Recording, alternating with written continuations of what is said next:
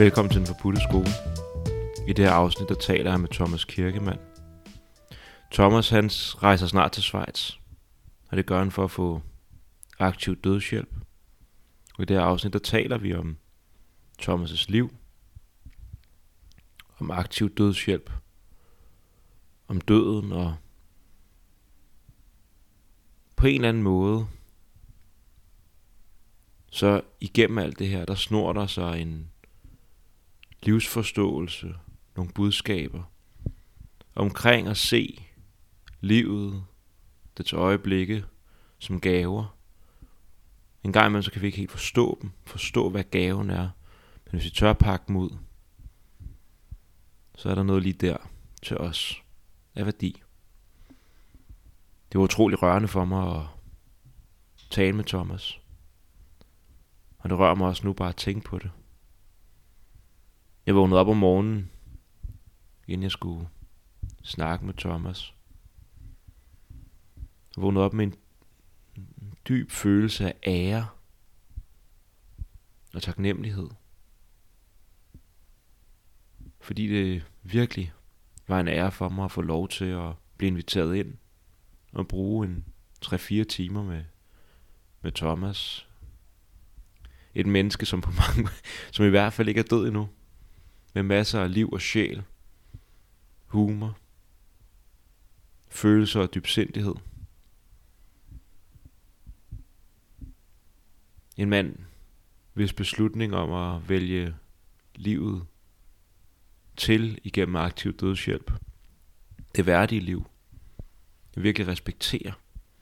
Og jeg håber, at du som lytter med her vil gå ind på det link, der ligger nede i show notes fra borgerforslag.dk og gå ind og giv din stemme til, at aktiv dødshjælp kan blive legaliseret i Danmark.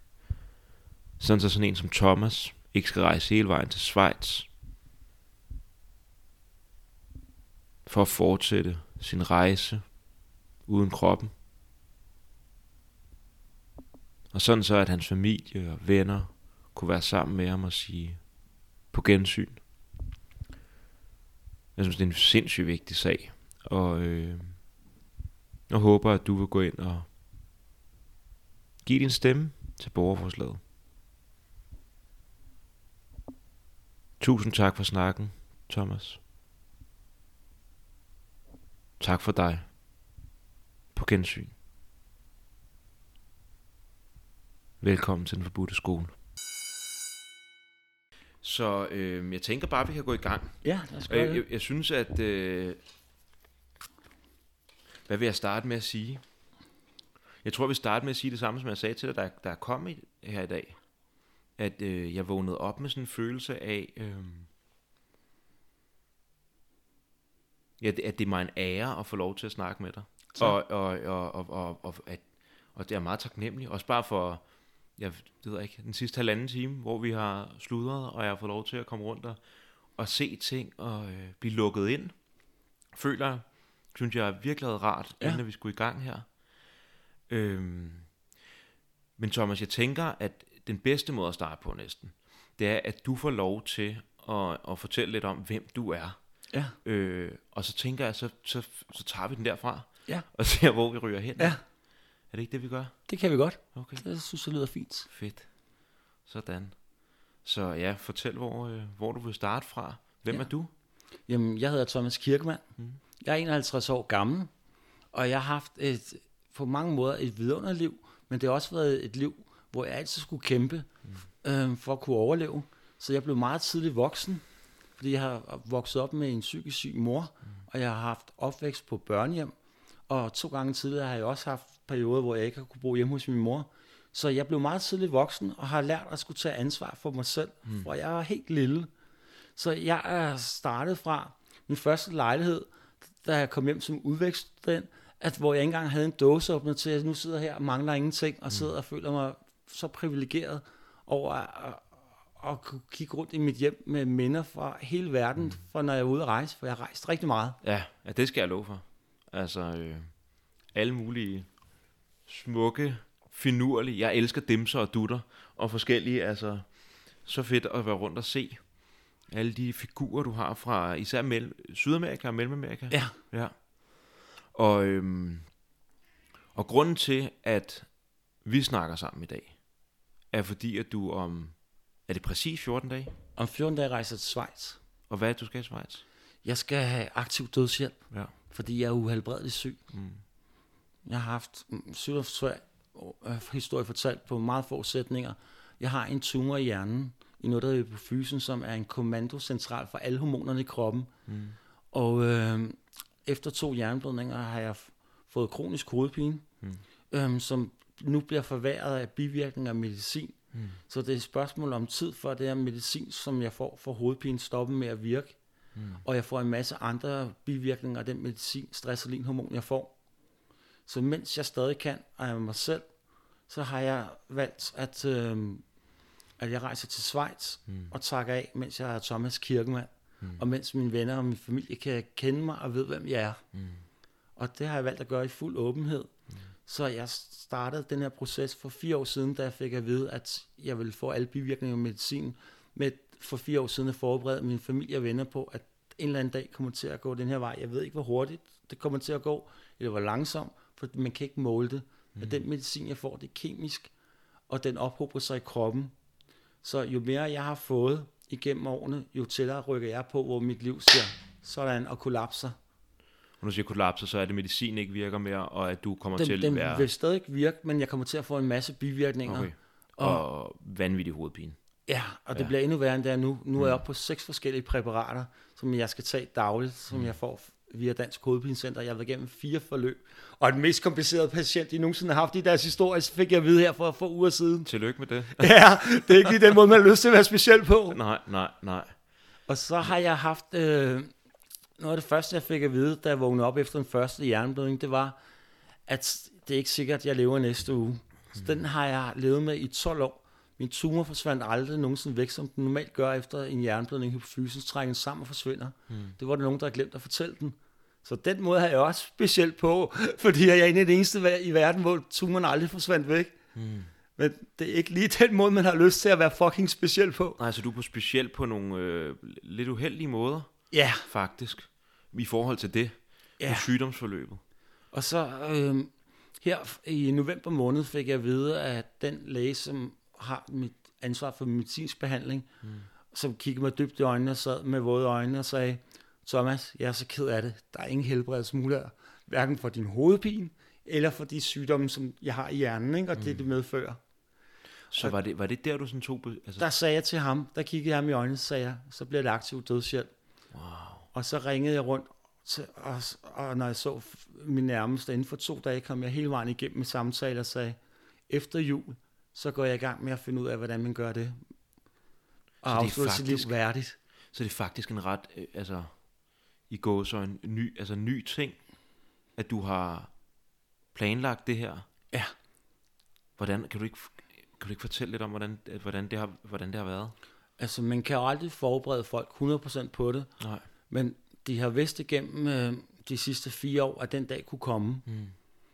Og i november måned, der fortalte jeg dem, at efter jul, jeg skulle lige have julen med, inden man sidder og undersøger, hvordan man slutter livet af på en værdig måde. Ja, det Når er der nu forstået. desværre ikke er de her muligheder i Danmark, hvor man, jeg for eksempel vil kunne, have- hvis vi har haft aktiv dødshjælp i Danmark, mm. så vil jeg jo kunne afslutte mit liv på Rigshospitalet, hvor min familie og venner kan komme med Ja, og sige, sige god rejse. ja.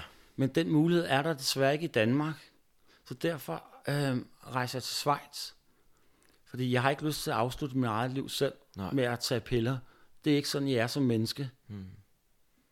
Så, så du tager til Schweiz, og det har du gjort hele din, alle dine bekendte og familie klart. Ja. Noget, der har rørt mig meget, som vi har gået og snakket, det er også det her med, at du allerede i går, tror jeg, jeg kan ikke engang huske, det sagde, hvornår vi snakkede i telefonen, det var i går eller i forgårs, men i hvert fald, at øh, noget, der har rørt mig meget, det er, når dine beskrivelser af de møder, du har med, med venner og Ja. familie nu, at ja. Det er jo ikke helt almindelige møder mere.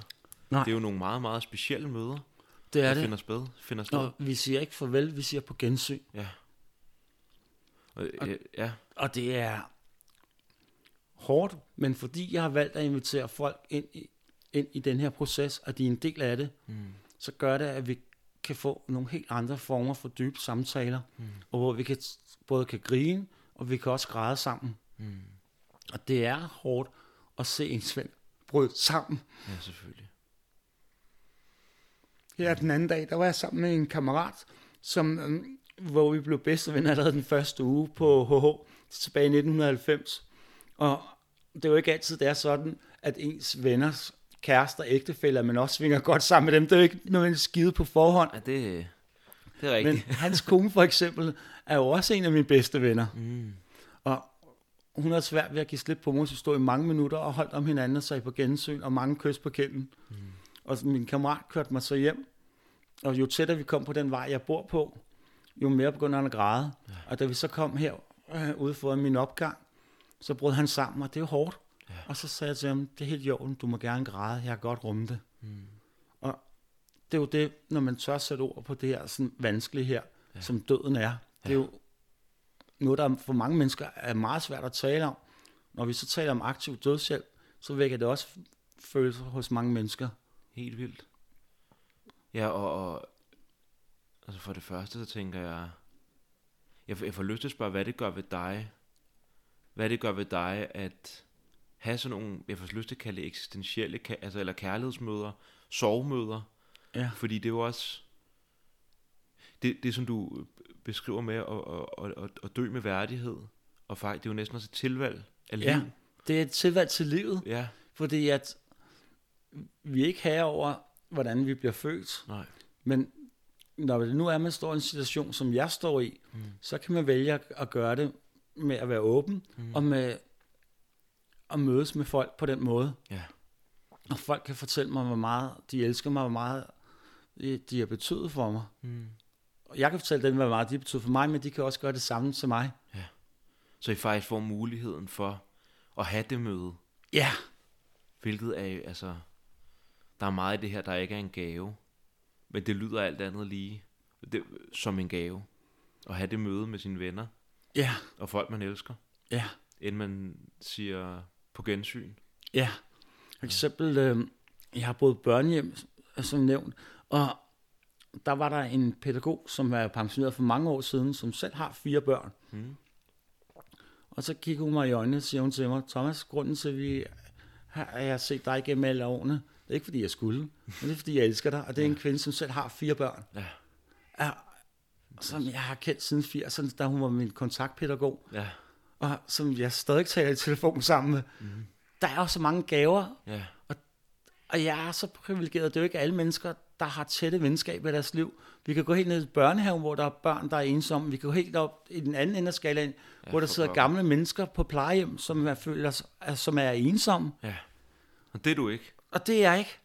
Og jeg, jeg, jeg bliver faktisk lidt nysgerrig på, hvis vi lige kan, så kan vi lave en lille detur måske væk fra aktiv dødshjælp, for jeg bliver lidt nysgerrig på det her liv, du har levet, Ja. som på mange måder er sådan meget anderledes, end hvad jeg for eksempel kommer fra, ikke? Med et liv på børnehjem og med masser af rejser, og øh, jeg ved ikke, om du, ja, om der er noget, du har lyst til at fortælle der, men jeg bliver lidt nysgerrig på, hvordan var det egentlig at leve på børnehjem? Altså nu fortæller du om, om den her pædagog, hvor der virkelig var en kærlig kontakt og en ja. kærlighedsrelation. Ja. Så øh, hvordan var det at bruge børnehjem? På nogle områder var det sindssygt hårdt, for ja. Jeg boet på børnehjem sammen med børn, der er blevet misbrugt af deres forældre. Ja. Børn øh, med forældre, der har været psykisk syge. Mm. Børn øh, af øh, forældre, som har slået deres børn. Ja. Der, har også været, der var også fire søskende, hvor faren slog moren ihjel, og hvor den mindste kun var få år gammel. Og når han var ked af det, så kom han ind og sov hos mig, den her lille toårige dreng. Mm. Kom han ind om natten og sov hos mig. Hvor gammel var du? Da du 14 år. Jeg var lige fyldt 14, wow. så der kunne jeg give den dreng den her tryghed og kærlighed. Ja. Og det var flot, at pædagogerne også rummede det, og lå den her dreng komme ind, ja, for pokker. fordi han har jo mistet sin mor og sin far. Ja. Og for hans ældre søstre, hans to store søstre, dem var jeg jo en storbror for, og det var jeg for mange af de her børn. Mm. Men jeg var også heldig selv at få en stor søster. Mm. Fordi at der var en pige der, som jeg altid sad og lavede lektier sammen med, og vi var simpelthen bedste venner. Wow. Og det var, vi var så tætte, og er det stadigvæk den dag i dag, Mm, okay. at det er hende, jeg altid har fået flest breve fra, når jeg har været ude at rejse og arbejdet børnehjem i Thailand et halvt år, eller været på højskole, eller var udvekslingsstudent i et år.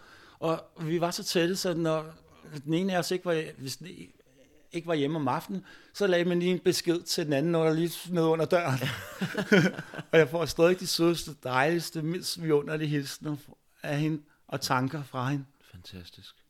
Så Så der har også været meget gave og meget kærlighed, ja, men det har også på mange områder været hårdt at på børnehjem.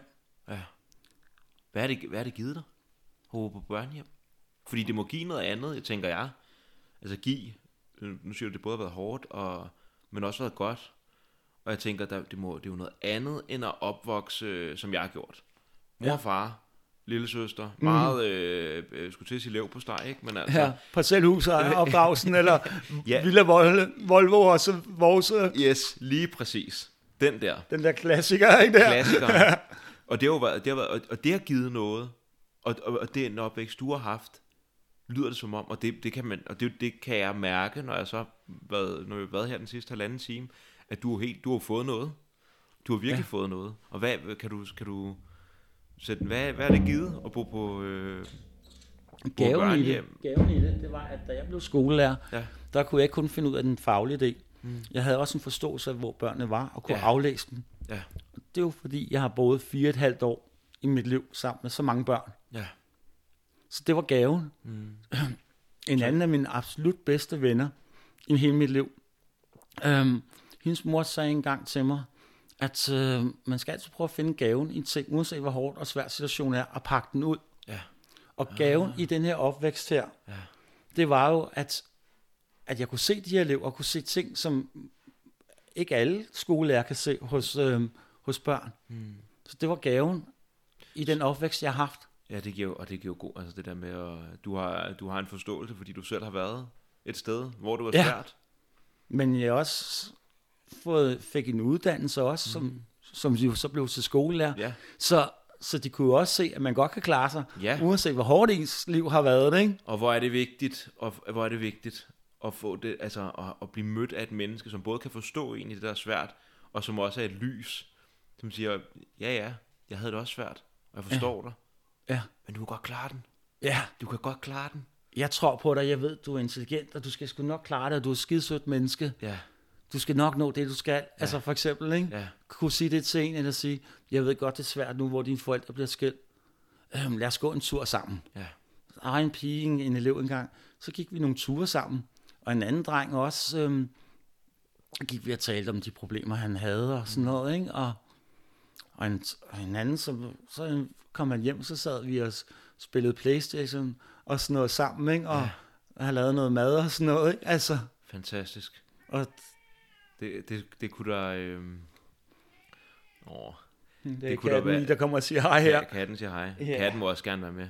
Ja. Yeah. Øhm, men det, er jo- det var også noget, vi snakkede om her den anden dag i telefonen. At, det, det er jo lidt et an- andet emne, men jeg synes, den der, apropos gaven, og det som, at, at du har, har lært fra det, der var svært i barndommen, og for at, at bo plejehjem, eller i plejehjem, børnehjem. Dog ikke plejehjem. Dog ikke Så gammel var jeg ikke. Nej, nej. øh, på børnehjem. Det, det her med at... Øh, det, det er jo også en gave til, til unge mennesker og børn, at der faktisk er en, en lærer med den indlevelse, får jeg næsten lyst til at sige, i det der mere, det levede liv, og hvad, hvad, hvad man går over og, og, øh, og kæmper og bokser lidt med, som ja. Ung menneske, frem for det kun handler om øh, dansk matematik og øh, fysik, kemi. Ja. Så det, altså, det er sgu øh, meget, meget sekundært for de fleste liv. Øh, alle liv, vil jeg næsten mene. Og, og, og gaven ved for eksempel at være dansk læring, Ja. ja. det er, at du kan jo vælge tekster. Ja. Uanset om de er fra 1800-tallet, eller om det er nyere litteratur, som for eksempel Leia Marie Eid. Ja. Altså, som rammer ind, og som gør, at de kan sætte ord på nogle tanker og følelser i deres liv, som ja. noget, de kan forholde sig til. Det er jo virkelig gaven ved at være dansklærer, Ja. ja. og kunne det. Ja. At, at få den mulighed, at, at, at, at åbne deres verden op. Jeg præsenterer for et sprog. Ja. Ja. læse nogle fantastiske værker, om vi taler Karen Bliksen, eller Leif Panduro, eller Naja Marie Eid, ja. eller Benny Andersen, eller hvem det nu måtte være, ikke? Ja. Altså, ja. og, og tage sangtekster ind og behandle det som lyrik, Mm. For eksempel nogle af TV2's tekster, eller Anne Lindes tekster, Ja. de har skrevet nogle fantastiske tekster, mm. og så kunne åbne en verden op, barndommens skade, mm. skrevet af Tove Ditlev, som Anne Linde har lavet sådan en smuk, dejlig sang om. Ja. Altså, fortæl det her som med Vesterbrogade, Ja. taler til de her børn her, ikke? som er opvokset der. Ikke? Ja. Altså, og, og også at kunne tage noget ind der. Ja. Vi har også hørt rapmusik, Ja, ja. lavet rap battle og sådan noget. Ikke? Fedt. Altså. Ja. Fantastisk. Og har, din, har du altid haft den øh, fascination af lyrik og øh, litteratur? Og Ja. var det også noget, du på børn, da du Ja, var barn? ja, helt børnehjem? fra jeg var lille af, Ja. at øh, var faktisk min mor, der lærte mig at, at knække læsekoden, da jeg gik i børnehaveklasse. For jeg ville jo gerne kunne læse min Anders Sandblad selv og mine Ja, børnebøger, ikke? Ja, for pokker. så, så, så, så knækkede jeg læsekoden. Og, og, og, og fordi jeg har haft den her opvækst, som jeg har haft, og så har jeg altid, så har jeg også kunne flygte ind i, i litteraturens verden. Ja. Og så øh, har jeg hørt jeg meget musik, og, og der i 80'erne, det var jo meget Anne Linde, der blev spillet, og det var meget TV2. Ja. Og dem har jeg stadig, jeg har regionen fyldt med deres CD'er, ikke? Ja. Ja, det skal jeg love for. Altså både se, du har øh, altså, region fyldt med CD'er, og så har du bøger, altså i stakkevis. Helt Ja. altså, ja. Men øh, jeg havde besøg af en gammel klasse her i fredags, hvor de nu er 31-32 år gamle, mm. og, øh, og de siger, at hver eneste gang de hører TV2, så kommer de til at tænke på mig, fordi vi har annonceret forskellige TV2-tekster sammen. Ah, fedt. Ja. Sådan. Ja, og som en sagde, jeg har egentlig aldrig kunne lide TV2, men deres tekster, de kan sgu noget. Ja, Og, og andre, de har omfavnet på en anden måde, men det er jo det igen, litteraturen kan. Ja. Og du kan behandle en sangtekst som litteratur, mm. og så behandler du annonceret som lyrik. ja.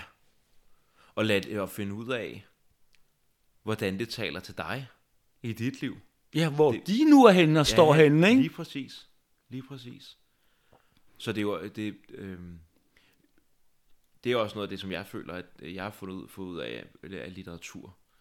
Den der med, at man får, øh, man får nogle gode venner, ja. Ja. som man ikke øh, kender fysisk, ja.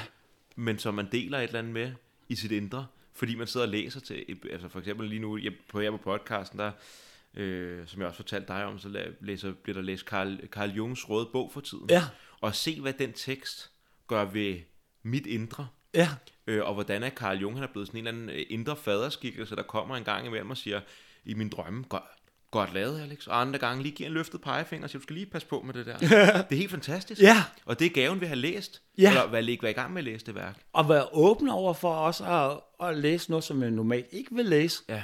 Ja. Jeg har det sådan, at hvis en bog ikke taler til mig, når jeg nået 50 sider, så stopper jeg den, men det er sket, næsten aldrig sket. Nej. Jeg har af en eller anden grund været god til at vælge i alle mulige genrer. Jeg læser bøger i meget bredt. Ja. Det kan være kunstbøger, det kan være... Det er ikke så lang tid, der læste jeg lige en biografi om Nelson Mandelas liv, og hvordan han hjalp med, at, med forsoning i Sydafrika, mm. og hans tanker omkring hele det her ting. Og så er det andre gange, så er det en svensk krimi, jeg læser på svensk, ikke? Altså, mm. du Ja. ved, forskellige ting, ikke? Ja. Og min yndlingsforfatter, nummer et i hele verden, jeg har mange yndlingsforfattere, ikke? Mm. det Gabriel Garcia Marquez fra Colombia. Mm. Jeg har kun én gang skrevet det, der kan minde om et fanbrev i mit liv. Kun én gang. Så skrev jeg til ham, og så fortalte jeg, hvordan hans forfatterskab øh, havde, hvad det havde betydet for mig i forskellige stadier i mit liv. Jeg startede med at læse som, som øh, 19-årig, mm.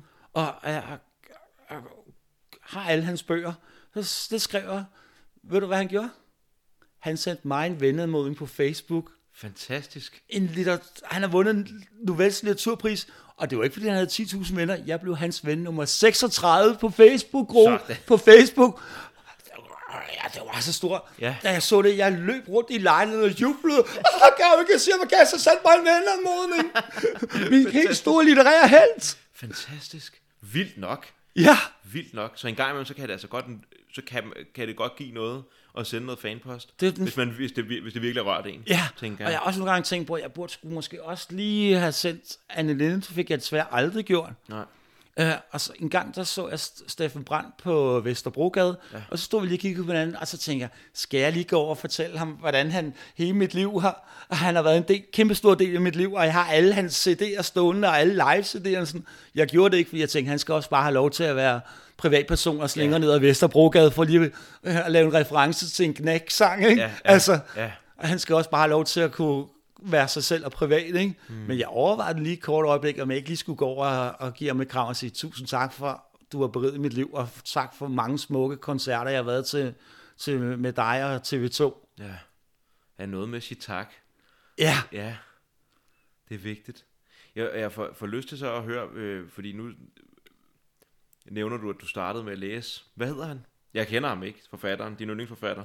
Ga- øh, Gabriel Garcia Marquez, Gabriel Som er- Garcia Marquez. som er fra Colombia. Ja, fordi der er et eller andet med, med, med det her sydamerikanske øh, tema, Ja. som er også er næste, at det, det kapit, hvis man øh, skulle tage dit livs, øh, liv som sådan øh, en bog Ja. med kapitler, Ja. så er Sydamerika, er det ikke det næste kapitel øh, efter børnehjemmet? Jo, Ja. Øhm, forhistorien er, at der er to dele i det. Den ene del er, at øh, min bedste kammerat i børnehaveklassen, hans familie var chilenske flygtninge, mm. så jeg har været med til en masse fester med musik og danse rundt til de her folkedanser og med mad og sådan nogle ting. Og da jeg så boede i børnehjemmet, så kom jeg til en dag at tænke over, da jeg så et opslag om, fra en udvekslingsstudentorganisation, det, det er da det, jeg skal. Mm. Fordi jeg har aldrig haft en traditionel opvækst med, som, altså som du har haft med Nej. en mor og far og søskende. Nej. Så tænkte jeg, det kunne jeg godt tænke mig at prøve, at have en mor og far og søskende. Mm. Så jeg tog simpelthen til Sydamerika, så måtte det jo være Sydamerika, fordi det var der, Ja. jeg altid sådan har haft fascination af. Jeg følte mig bare hjemme, da jeg landede i lufthavnen. Fantastisk. Var du, altså var du i, som, så du, blev, du kom ind i en familie og Ja, boede? og boede hos i et år. Wow, Og, fantastisk. og der oplevede jeg for første gang i mit liv at have en mor og en far. Ja. I går der talte jeg øh, på videochat med min venezuelanske værtsmor, som er min mami. Nå, I har også stadig kontakt? Ja. Og, og hun har fortalt mig mange gange, at, øh, at jeg er lige så meget hendes søn, som de tre børn, hun har givet fødsel til.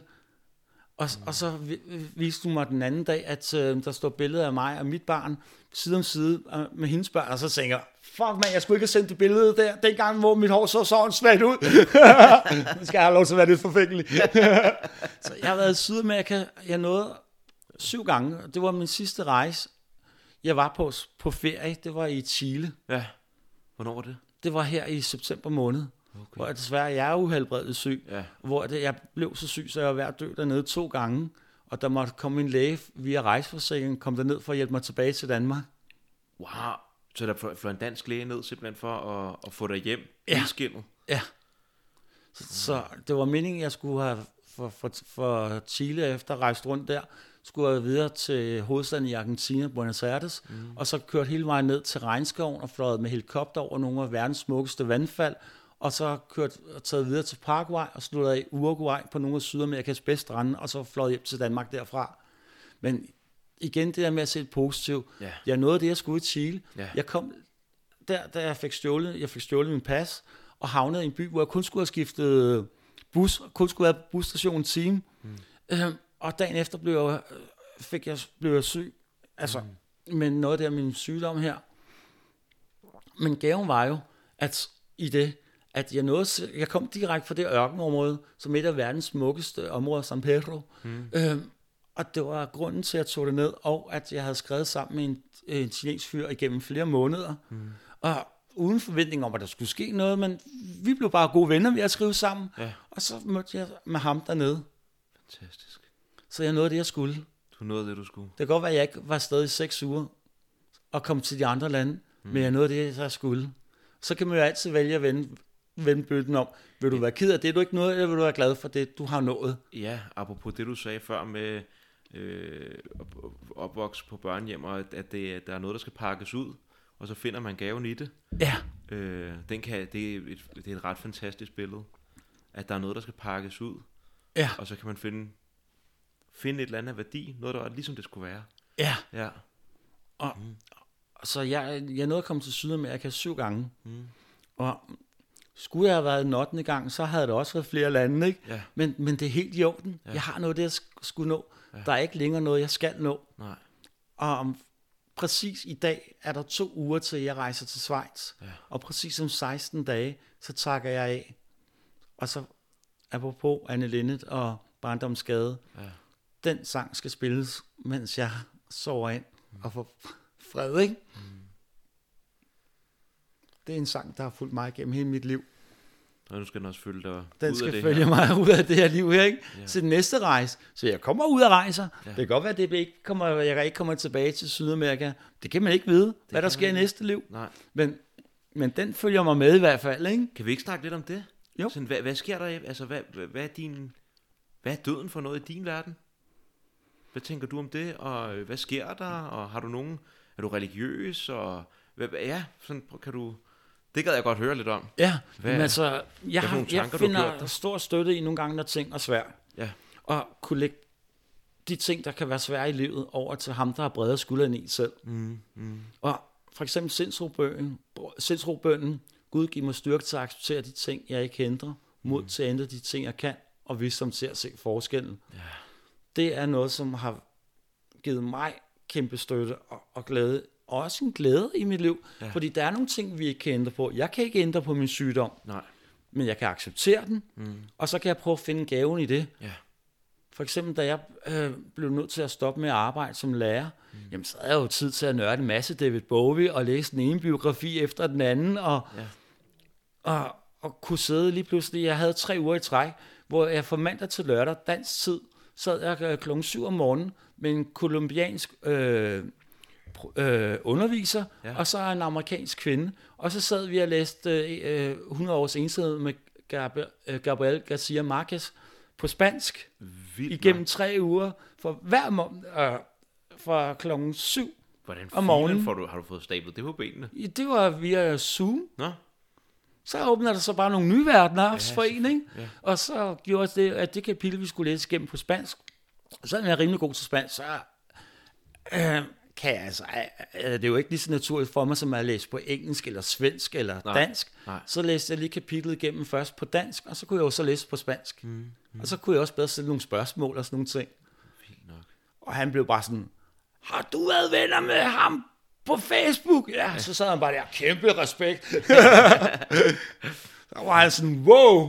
Og jeg kunne vise ham alle mine bøger her, øh, hive dem alle sammen ud, og så han kunne se, hvordan udgaven ser ud på dansk. Mm. Hvordan den er blevet illustreret med, på forsiden på dansk, som er meget anderledes i forhold til, hvordan de er illustreret i, i Colombia for eksempel Ja, hvor øh, den her forfatter kommer fra, ikke? og hvor den her lærer boede, altså kommer fra. Ikke? Mm. Så vi sad tre mennesker hver dag fra mandag til lørdag kl. 7 om morgenen i tre uger og talte om det her. Og det ville jeg ikke have kunne gøre, hvis jeg havde skulle være ud og være og undervise som lærer. nej, Så der er jo også mange gaver i selv at være uhelbredeligt syg. ja, At kunne dyrke ned og dyrke sine interesser og nørde dem. ja.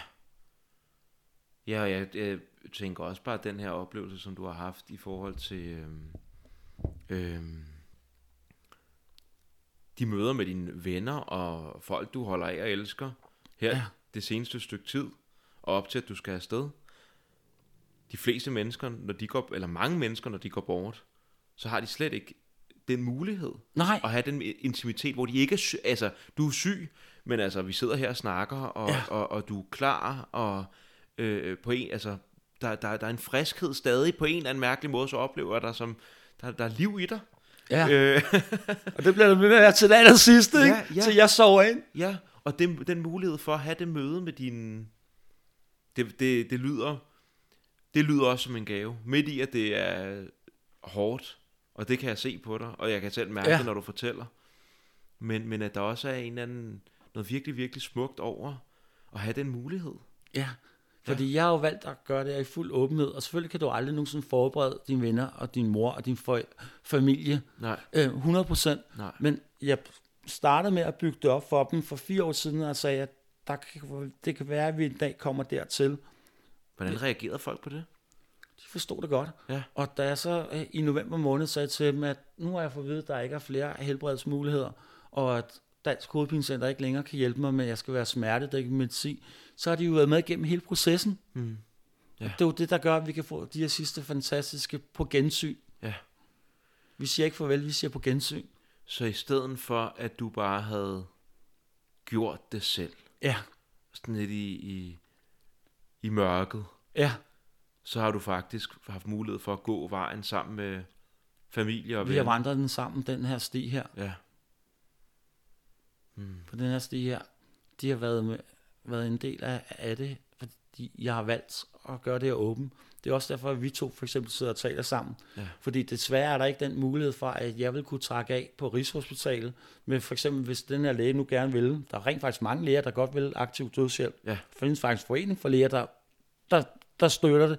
Men jeg har bare ikke den her mulighed for at kunne trække af på Rigshospitalet, hvor min mor og min onkel og fastre og, og mine bedste venner kan være med. kan være med. Så mm. derfor har jeg for eksempel givet to interviewer talt om dig nu, i håb om, at en eller anden dag, så øh, råber det politikerne op. Ja. Fordi det her, sådan, det er jo, jeg ved godt, at aktiv dødshjælp, det er et meget følsomt område, som vækker stærke følelser hos folk. Er du blevet mødt af, øh, er du egentlig blevet mødt af sådan, det ved jeg ikke, nogen der synes det er for meget, at du er åben omkring det, og det er helt forkert, og nej, nej.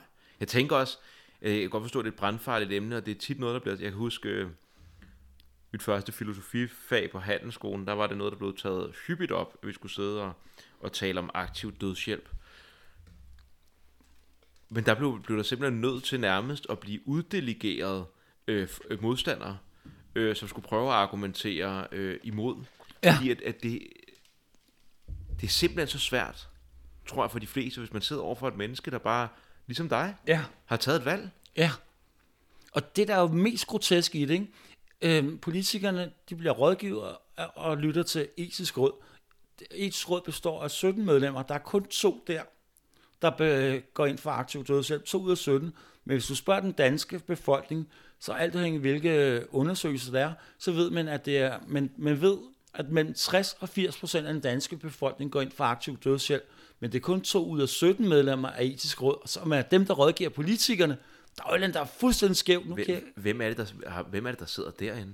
det, det har jeg også tit undret mig over. Ja, Men det er jo højt veluddannede mennesker, som, mås- som måske har haft alle de her sådan gode liv, og som ikke, måske ikke er i stand til at kunne sætte sig ind i, at, at, at der skal være den her mulighed. Og selvfølgelig skal der være nogle retningslinjer, Ja, så det ikke er den 19-årige fyr, hvor kæresten har forladt ham efter tre år, som ikke tror, at livet går videre. ja, Det ved vi to med vores alder og vores livserfaring. Mm. Hey, du skal nok komme derover i en kærlighedssorg, ja. og måske en dag står kærligheden og banker på døren igen, ikke? ja. Så det skal jo ikke være en 19-årig, der har kærlighedssorg, Nej. som skal have den mulighed. Altså selvfølgelig skal der være retningslinjer. Det giver da bare, det, er da- det er da jo klart. Men ligesom der er fri abort, Ja, øh, det betyder jo ikke, at, øh, at øh, din kæreste for eksempel skal tage imod den mulighed, men det betyder, at jeres nabo har muligheden ja. for det. Og på samme måde burde det jo også være med aktiv dødshjælp. Ja. Men det er, det er ligesom, at min krop er statens krop, at jeg ikke bestemmer selv. ja det, det giver... Øh, det, det er på en eller anden måde, så øh, det har jeg altid tænkt også omkring, altså øh, selvmord, det er ærgerligt, at selvmord skal være, altså at man ikke kan tage den måske lidt mere ordnede mulighed, hvor som du selv siger, Ja. familie og venner og alt muligt kan være med, og der er styr på tingene, og vi har sat en dato og alt det her, at, at det ikke er en mulighed. For, for jeg har altid tænkt også med selvmord, sådan, det, det burde da være, hvem fanden skal fortælle folk, om de skal leve eller dø? Ja, Andre end dem selv? ja. Eller, de, eller det, der er større? Altså, ikke, Ja. altså det, det, Hvorfor kan man ikke sige, at nu er nok nok? ja. Altså, jeg har haft over 120 livstruende indlæggelser på 12 år. Jeg havde 16 også alene sidste vildt. år.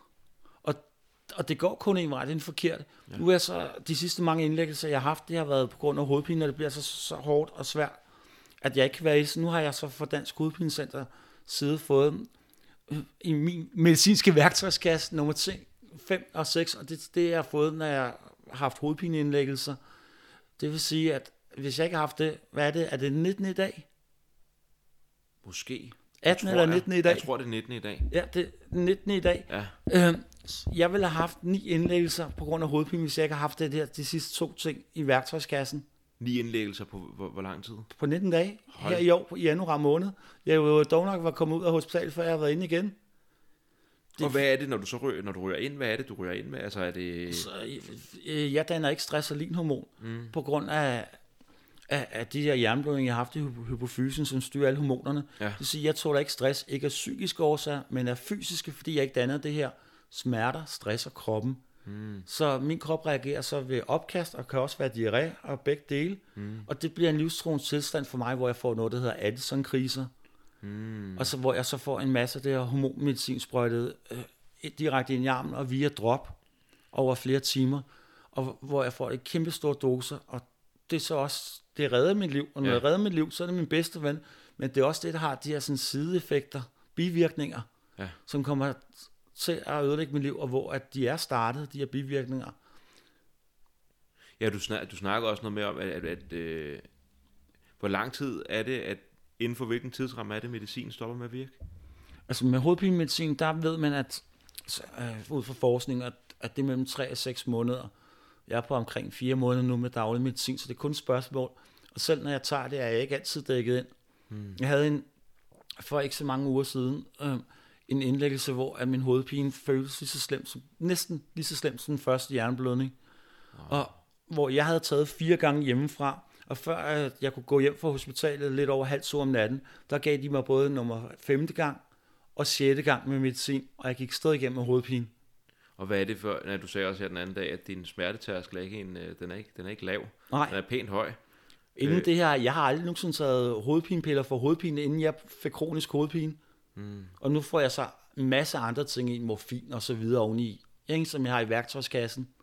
Værktøjskassen, som bare er mega mange forskellige former for medicamenter. Ja, Ja. og igen, ikke, nogle gange, når jeg var nede og hente medicin, ikke, eller fået udvalgt medicin øh, for min sygdom Rigshospitalet, og har kommet hjem med en kæmpe pose.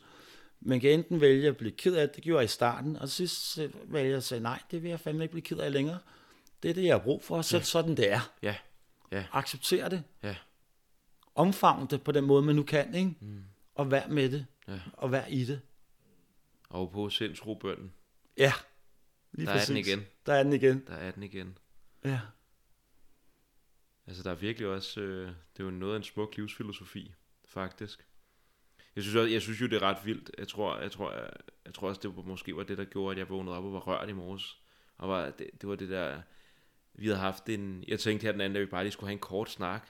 Og så har vi snakket i halvanden time. Ja. Skide hyggeligt, ja. synes jeg. I lige måde. Ja, Det har været, allerede til nu har det været en kæmpe fornøjelse. Ja, skide hyggeligt. Ja. Og jeg tænkte sådan lidt det der...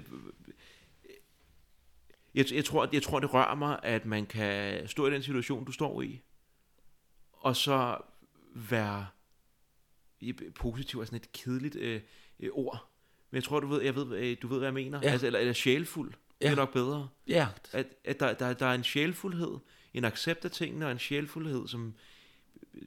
For, du lever stadig Det gør jeg Ja. indtil aller sidste. indtil det aller sidste. Og, og som mange, fordi jeg er inviteret ind i, i det her rum her, ikke? Ja. som siger, at de kender sgu ikke nogen, der lever livet så meget, som jeg gør, og har gjort så meget i mit liv. Nej. Altså både sat, andre fortæller mig, at- hvilke aftryk jeg har sat ru- rundt omkring den tidligere og har fået søde, stejlige, kærlige beskeder f- fra. Ikke? Mm. Altså, for eksempel her i fredags, der havde jeg besøg af, jeg har to klasser, som jeg ser en gang om året, og det har jeg gjort lige siden de gik ud af 9. klasse, til sådan noget på junior hjemme hos mig.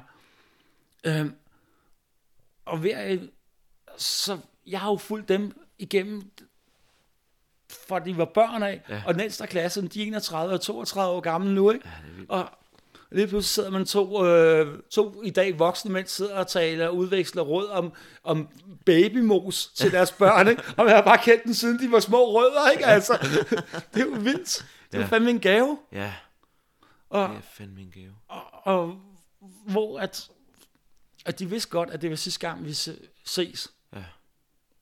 Så vi gjorde det, at, at da alle ligesom var kommet ind ad døren og sad ned, og de har fået en øl, eller hvad de nu drak, at så gjorde det, at jeg fortalte lidt mere om mig selv, mm. om min rejse, om den meksikanske kæreste, jeg har haft, og, og, og, og sådan nogle ting. Ikke? Mm. Og så sagde jeg til dem, det skal jeg ikke tale med jer hele aften enkeltvis om det. Mm. Så kan vi tale om jer, skal det handle om jer, skal der festes. Mm. Og så da jeg var færdig, gik jeg over og skruede op for musikken. Mm, sådan.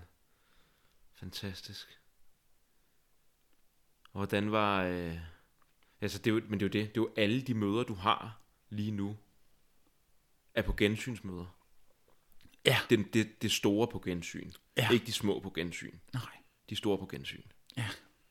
Og i morgen, der får jeg besøg af den yngste af de to klasser, jeg har ser en gang om året. Mm. De er 25 og 26 år gamle, ikke?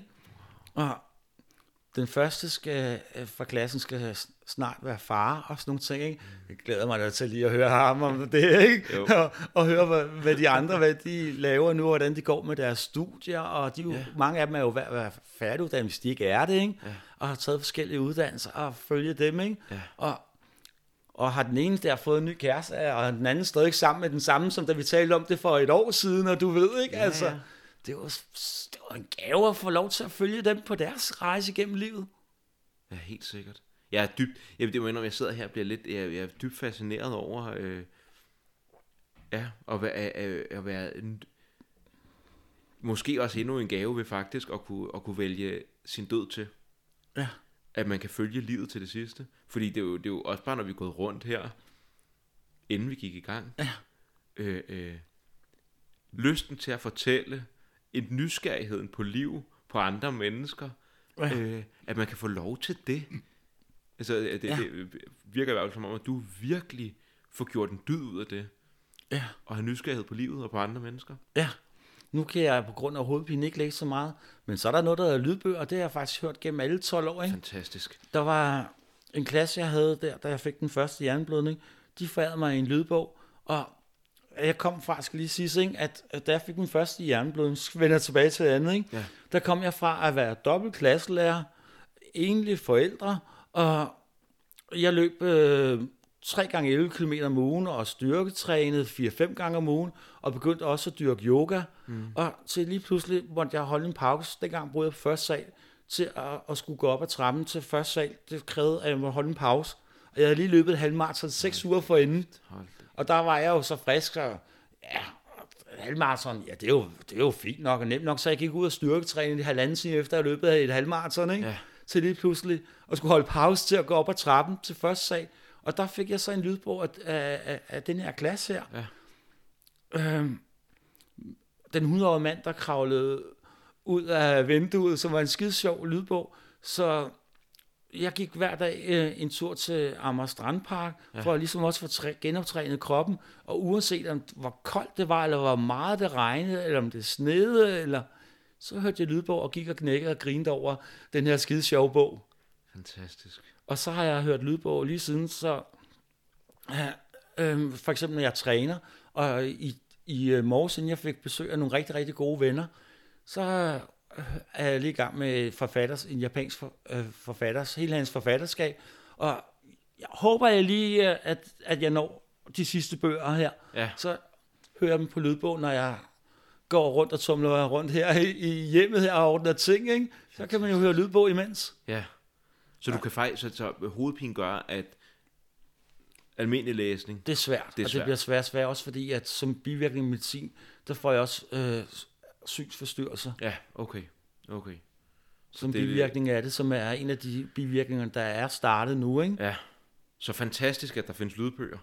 Ja, Altså, og du kan låne den gratis på biblioteket. Det er bare at downloade en app, eller ja. du kan tegne et abonnement, ikke? Altså, ja, ja. Fantastisk. Jeg bliver lidt nysgerrig på det der med, og, øhm, så var, var, det, var det 12 år siden, du fik din første Ja. jernblødning eller tumor? Hvad var øh, jernblødning. ja. jernblødning? Og hvornår begyndte du, hvornår fik du at vide, at du kunne dø? Anytime? Øhm, det var noget af det første, jeg fik at vide, da jeg vågnede op på hospitalet efter mange dage, Ja. at det er ikke sikkert, at jeg lever næste uge. Mm. Så, hvad, hvad, altså, hvad, øh, hvordan filen har det været? I starten havde jeg meget frygt og angst. Ja. Og det er lykkedes mig i, at slippe det. Det tog mange år, før jeg kunne slippe den der frygt og angst. Også fordi den har siddet meget dybt i mig, fordi jeg har en mor, øhm, eller en familie, hvor der også har været selvmordshistorik i. Og så jeg har vokset op med, med, med meget frygt og angst, også i mit liv. Ja. Så det har været en kæmpe udfordring for mig at give slip på den. Ja. Fordi jeg har haft over 120 livstruende indlæggelser. ja det er helt Så i starten, der blev jeg så ked af det hver gang, at, at jeg skulle indlægges. Ja. Og, og på alle mulige tidspunkter døgnet lige pludselig, altså, Og så ikke en us eller så ikke en bare sådan en grundfrygt. Ikke at vide, hvornår den næste rammer. ja, og til sidst så gav jeg slip på den, så jeg turde begynde at rejse igen. Øh, jeg mødte en, meksikansk mand, som var på ferie i, i Danmark. Mm. Og, og så... Øhm, vi sad og talte timevis, så sagde jeg til ham, hey, for øvrigt, jeg har en, øh, jeg har en enkelt meksikansk CD øh, stående, som jeg købte dengang, jeg var udvækstudent i Venezuela, så var det helt stort hit. Og så sagde jeg til ham, du skal lige høre det nummer, La Negra Domasa. Og så satte jeg det på, og så kigger den her mand mig dybt ind i øjnene og siger, ved du hvad, Thomas? Det her det er mit yndlingsnummer nummer et i hele verden. Fedt. Den og så ramte sagde han, så bliver du nødt til at komme til Mexico. Og så tænker jeg, hvad er det værste, der kan ske? Det ene er, ikke? hvis det er, at vi bare finder ud af, at vi slet ikke kan noget, jamen så finder jeg jo bare et hotel. Ja, ja. Og så rejser jeg jo bare rundt selv. Ja. Og vi endte med at blive kærester indtil covid, og verden lukkede ned og stoppede det, og min sygdom udviklede sig. Ikke? Wow. Så I var, så var, var langdistanskærester, eller? Ja. 9.511 km var der fra der, hvor han bor i Mexico City. Det er sådan noget, man kan se på Google, jo ikke? Til her, hvor jeg bor. Fantastisk. Har, og har, du, øh, har du stadig kontakt med, med ham Ja. også? Eller? Ja. Vi er stadig bedste venner. Ja. For der har aldrig været noget med utroskab eller uvenskab. Nej. Der er bare nogle andre omstændigheder, der gjorde, at det her forhold blev nødt til at stoppe. Ja. Men man kan godt være sjælevenner, uden at skulle være kærester. Ja, for pokker. Altså, Ja. Det kan være, nogle mennesker øhm, kan et møde vare en dag, og så kan man give hinanden alt det, man skal. Andre gange kan det være, at folk har et lykkeligt ægteskab gennem 50 år. Ja. Der er ikke nogen, der siger, at det ene er mere rigtigt end det andet. Nej. Apropos litteratur, der var der, det læste jeg engang i en interviewbog med en, der hedder Henry Miller, Ja. som sagde det der med, med, med venskaber. Og der var jeg i starten af, af 20'erne, da jeg læste en interviewbog med ham. Og, og det satte sig nogle dybe spor i mig. At det der med det der møde der, at som de ting, der kan opstå, Ja. når folk begynder at tale sammen. Ja. At to timer kan være lige så godt som et helt livs venskab. Det er bare nogle forskellige planer, men det kan være lige så godt og lige så betydningsfuldt. Fuldstændig. Der, hvor vi kan lige mødes og lige kan give hinanden det, vi har brug for i vores liv. Ja. Ja, og, lad, og, og, og ture og lad det være nok. Det, som der er. Ja, Og det, der skal være. ja, Det er så vigtigt. Og jeg kan mærke, det resonerer rigtig meget også i forhold til noget af det, som jeg synes, at der har været en stor, helt stor gave for mig ved at lave den her podcast, og ved at sidde her nu. Det der med, at øh, samtalen, og bare sidde to mennesker og snakke, ja, at det er, øh, det er selvfølgelig noget andet end sjælevenner, og så, men det der med at lade ting være det, de er, ja, og se det smukke i det, frem for at tænke, det skal være alt muligt andet. Ja. Eller hvorfor, for eksempel, som du siger med, med din meksikanske kæreste, at tingene ændrer sig. Ja. Og i stedet for, at det får lov til ligesom at besudle alt det, der har været, øh, fordi det skulle være anderledes. Ja. Ja. Muligt, og man bare siger, wow, det var virkelig godt. ja. Ja. Og min venezuelanske mami, altså, som, der er udvekslet som jeg øh, video, havde videochat med i går, ikke? Mm. Altså også, hun sagde til mig, at øh, min papi døde for nogle år siden. Han venter på mig. Mm. Lige om lidt, så venter han på mig, og så kommer han og driller mig på spansk, som han plejer at gøre. Så det er det, du, det, på den anden side, det er det, du bliver mødt af, det er lille drill, øh, drillerier af papi måske. Ja, Ja. der fik jeg jo for første gang i mit liv en, en, en, en rigtig far. Ja, Så livet er jo også fyldt af mirakler på den måde. fuldstændig.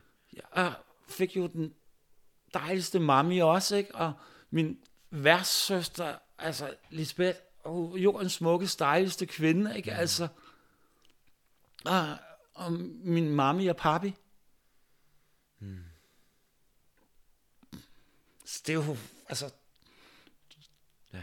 det er, når vi tør tale sammen og mødes, og vi mødes på en god måde, mm. så kan der opstå ting i det møde. Ja. Og for mig, det er tilbage i 89-90, jeg var udvekstet. Så sent som i går sad jeg og, og, og kunne se min mor både kunne smile og selvfølgelig også græde, Ja. fordi at lige om lidt, så er jeg her ikke længere. Det... Jeg synes, når du siger det her med at ture og mødes, jeg tror, det, det kan... Det lander virkelig et godt sted Ja, hos mig. At ture og mødes. Fordi nu har du også sagt flere gange det der med, ikke, altså, at det er møder, hvor der bliver både bliver grædt og bliver grint. ja, Og det er noget med også at, at turde vise sig.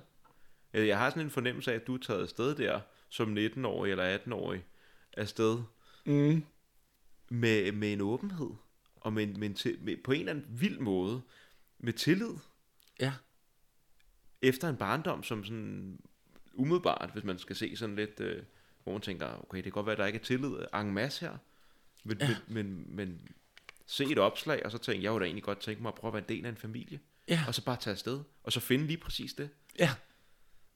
Er det vildt. Ja, altså, og, ja, det, men det kræver også, at man tør at være nysgerrig på livet. Ja. Det er mod, altså at ture, at ture, have mod til at være nysgerrig. Ja. Og jeg tror, at når man har brug for at møde nogle mennesker, så skal man nok møde dem. Det skal nok komme. Ja. Man skal ikke jagte ting desperat. Det skal, Nej. de ting, vi- vi har brug for, det skal nok komme mm. til os, hvis vi er nysgerrige og åbne over for det. Ja. Ja. Så, så står, op, kan der opstå mirakler. Det er det. Så der har været, har der, ja, det lyder sådan, at der har været mange mirakler i dit liv. Altså, som vi talte om før, det er ikke, at vi kan gå helt ned i børnehaven, Ja. hvor der er børn, der er ensomme. Vi kan gå helt øh, hen i den anden modsatte ende af skalaen, der sidder folk på plejehjem, der er, er ensomme. Ja. Jeg er så privilegeret i det her liv her, at have så mange tætte venskaber. Jeg har også øh, en af mine absolut livs bedste øh, veninder, er for den tid også, ja. for da jeg var udvekslingsstudent. Ja. Altså, og hendes mand er jeg også bedste venner med. Og vi har skrevet, vi skriver sammen privat, og gjort det i overvis. Mm. Jeg fik også lige kærlighed fra ham i dag, og et hjerte, ikke? Og vi er her, og vi elsker dig, Thomas. Ja. Og fået hilsener i dag fra, fra den her søde, skide søde, dejlige øh, chilenske fyr også. Altså, og fået en masse, i dag, masser af kærlighed også. Ja. Jeg bliver omfavnet med kærlighed og opbakning og støtte til den, i den her svære del af, af mit liv, jeg står i. Og jeg kan mærke, at det rører mig helt vildt meget. Og jeg, bliver, jeg, jeg, jeg, jeg synes, at det er en gave, og jeg synes, det er så smukt, at du har taget det valg, fordi at det giver mulighed for, både for dig og for de andre, at mødes, altså have det kærlige møde, og få lov til at sige tak for, tak for vores møde, og tak for det, vi har haft sammen, og hvad der ellers er. Ja, Altså den mulighed, den gave at sætte en sløjfe om tingene, Ja. og erklære sin kærlighed, og sige det, der skal siges. ja. Og det, man kan skrive til sin kammerats kone, som en af ens bedste venner også, ikke? Ja. I har betydet rigtig, rigtig meget for mig. I, eller I betyder rigtig, rigtig meget for mig. Det skal ikke være datid. I betyder rigtig, rigtig meget for mig. Mm. Så fik jeg lige et billede af, da hendes mand øhm, og blev gift, hvor at, øhm, jeg var hans forlover. Fik jeg lige et billede af, af, af mig, af den her fantastiske fyr her, mm. fra, fra deres bryllup, ikke? hvor et billede af, hvor mig og min kammerat står sammen i vores flotte tøj her, ikke? og blomster, du ved, i, i jakkesættet her, ikke? altså godt smokingen her, ikke? Ja, altså, ja, det så rammer det godt ud. Og man Sådan. kan ikke se, at vi er blevet ældre, selvom det er 20 år siden. Nej, nej, for vi holder os jo godt, ikke? Ja da. altså. Men jeg bliver lidt nysgerrig på, for det tror jeg ikke rigtig, vi nåede at berøre, eller der røg vi lige ud, og det er jo det, der sker, når man bare snakker, men den her, hvad, hvad er det for en rejse, du skal på? Har du nogen, hvad er din sådan, tro, eller hvad tænker du? Altså, jeg tror ikke, at som man eksempel gør den katolske kirke, selvom jeg har altid følt mig meget hjemme i den katolske kirke, ikke? Ja. så tror jeg ikke på, at min sjæl havner et limbo i 500 år. Nej, Fordi at jeg tager imod den her mulighed, som man kan få i Schweiz med aktiv dødshjælp. Ja. Fordi det, jeg kan ikke forestille mig, at hvis der er en Gud, at han skal straffe mig i 500 år, som jeg altså har hørt, fik at vide af en katolik, at så bliver jeg straffet i 500 år. Hvis det er det, ikke? Altså, meget det risik- kunne jeg risikere, ikke? Altså, den, den del tror jeg altså ikke på. det Ja. virker som, at det er et meget godt politisk redskab at bilde folk det ind, ikke? Så kan man Ja. ligesom få folk til mark ret. Ja. Øh, men om, en, om den kærlige, hvis der, er en, hvis der er en øh, kærlig skaber Gud, hvis der er det, så er det nok ikke lige den metode, øh, han vil vælge Nej, øh, til at, at, at tage imod en af sine børn, nej, som har taget et valg i kærlighed ja. Og i respekt til livet. og i respekt til livet. Fordi det er også, for mig handler det jo det her med om, at, at i modsætning til, hvis jeg har taget piller for at afslutte mit liv, Ja. inden det går helt ned ad bakke for mig med min sygdom, Ja. at så havde det været sådan noget tysk noget øh, lukket, og så skulle jeg have været, jeg gået rundt i min lejlighed, det var været dybt ensom. Ja, Det er jeg ikke på den her måde. nej. En anden af mine absolut bedste venner i det her liv her, tager med mig og som også er for dengang, ja, som jeg kender her way back, ikke? Altså, mm. igen, der er jo åbenhed omkring tingene. Mm. Jeg har jo, så som jeg sagde før, man kan aldrig forberede folk 100% på det, og folk er i dyb sorg omkring mig, Mm. og græder også. Ja. Men fordi jeg gør det på den her måde her, og gør det med værdighed, Mm. så kan vi dele nogle sam- ting sammen, som vi ikke kunne ellers, hvis jeg har gjort det i det skjulte. Ja. Nu gør jeg det med fuld åben pande, og jeg ved, hvad jeg gør. Ja. Og jeg har ikke nogen fortrydelse, og jeg kan mærke, det er det, der er det rigtige for mig. Så er det bare pokkers trist, at jeg skal være tvunget til at skulle rejse til et andet land for at kunne gøre det. Ja. At jeg ikke har mulighed for at kunne gøre det på et hospital, hvor folk kunne komme ind og, og lige sige på gensyn til mig. Ja. For vi siger jo som sagt ikke farvel, vi siger på gensyn. Ja. At de ikke får den mulighed, ja, du ikke får en mulighed. og jeg ikke får den mulighed. Og det er så mit håb, at folk de går ind og støtter det borgerforslag, der er ude lige nu, som kræver 50.000 underskriver, for at det bliver taget op i Folketinget. For så bliver de, hvis de når de 50.000 underskrifter, så skal de diskutere aktiv dødshjælp. Så skal de gøre det. Det er virkelig vigtigt. Og det tænker jeg, det jeg håber at alle, der lytter med her, har lyst til lige... Altså, Det, det gøre mig det meget kommer, glad, hvis det de kommer gjorde til, det. det Ikke? kommer til at ligge et eller andet sted nede i nogle, øh, et eller andet beskrivelse. Ja. Der ligger linket ind til Ellers kan man gå ind på min Facebook-side. Ja. Jeg hedder Thomas Kirkemand Kirke, som kirke, M-A-N-N. Og der ligger det øverst, øh, hvor jeg også lige fortalte, du ved, tidligere kollegaer og, og elever, og du ved, folk, man er venner med på Facebook, men man måske ikke lige snakker med i dagligdagen, Ja, og, med en opfordring til at gå ind og, og støtte aktiv dødshjælp. Som ikke andet, så kan man gå ind på min Facebook-side, og så og kan det, man der, se det, øh, øh, det her opslag her med, øh, det her borgerforslag, ikke? Ja. Er det, og er det dig selv, der har lavet... Er det dig, der har lavet det borgerforslag? Nej. Det er det ikke. Nej, jeg Okay. går selvfølgelig ind og bakker det op om Ja, det, i ja. håb om, at andre kan få den mulighed, ja. som jeg desværre ikke har. Nej. Ja, det ville da være... Jeg håber, at de der... Øh, det etiske råd der, at de... Øh, ja, lige får, får, får tænkt sig lidt om, eller får, øh, får måske mærket lidt ind i hjertet også, i stedet for at tænke sig så meget om. Måske ja. Bare lige mærker ind i hjertet. Ja. Og, øh, Og igen, og, fordi der er et tilbud, er det jo ikke nødvendigvis, at alle skal tage imod det, eller Nej. Skal have muligheden for det. Nej. At det, det svarer lidt til at sige, at øhm, fordi der er nogen, der kører spritkørsel og dræber folk i trafikken, så skal vi slet ikke tillade bilkørsel. Ja, ja, Altså, det giver ingen mening. det giver ingen mening. Det, det er jo det der, jeg vil kalde sandkasse-argumentation. Ja, At jamen, så er det bare en glidebane, og lige pludselig er den gamle ensomme dame, som bliver tvunget til det, fordi hendes børn vil arve hende. Nej, det er jo ikke der, nej, vi skal hen. nej. Der skal være nogle ordentlige retningslinjer, Ja. og der er rent faktisk nogle læger, der har lavet nogle retningslinjer, som kunne fungere, og hvis Folketinget ville det, så kunne I de tage, Danmark? dire- ja, Okay. tage det direkte op og vedtage det, hvor alting er, er gennemtænkt. Det kan man finde på nettet også, og der er nogle forskellige Facebook-grupper også, øhm, hvor man kan gå ind og finde det, og man kan google sig frem til det. Så der er jo faktisk nogle mennesker, der har sat sig ned og tænkt, hvordan kunne vi gøre det her på en etisk forsvarlig god måde. Ja, fagpersoner, der er sat sådan noget læger. Fagpersoner, læger, Ja. Hvor- Hvordan er du egentlig blevet mødt af, øh, af de læger, som der, er beha- altså, der behandler dig, og som du har, der har været inde omkring dig, i forhold til den her beslutning? næsten alle synes, at jeg har givet udtryk for, at de godt forstår det. Mm. Der var en læge, der sagde til mig, at i orden, jeg lige tager læge øh, kappen af og ja. jeg som privatperson, og så spurgte mig så, øh, hvor jeg fik det her mod fra, for hun sagde, at hun har søgt mange andre patienter, øh, som har, har været i et smertehelvede i overvis, men som ikke har turt at træffe det her valg her, mm. men som måske godt kunne have ønsket sig det. Ja. Og hvad svarer man lige til på denne? Men det, jeg får lidt fornemmelsen, at det er livs, det, der, der er en, der er en, livsfilosofi, som der ligger meget, meget dybt i dig, omkring at, at, at nyde ting, og, øh, Ja, og, og, og tage tingene for, hvad de er, og gøre det, det til gaver i livet, ja, hvor, hvor der er gaver i livet.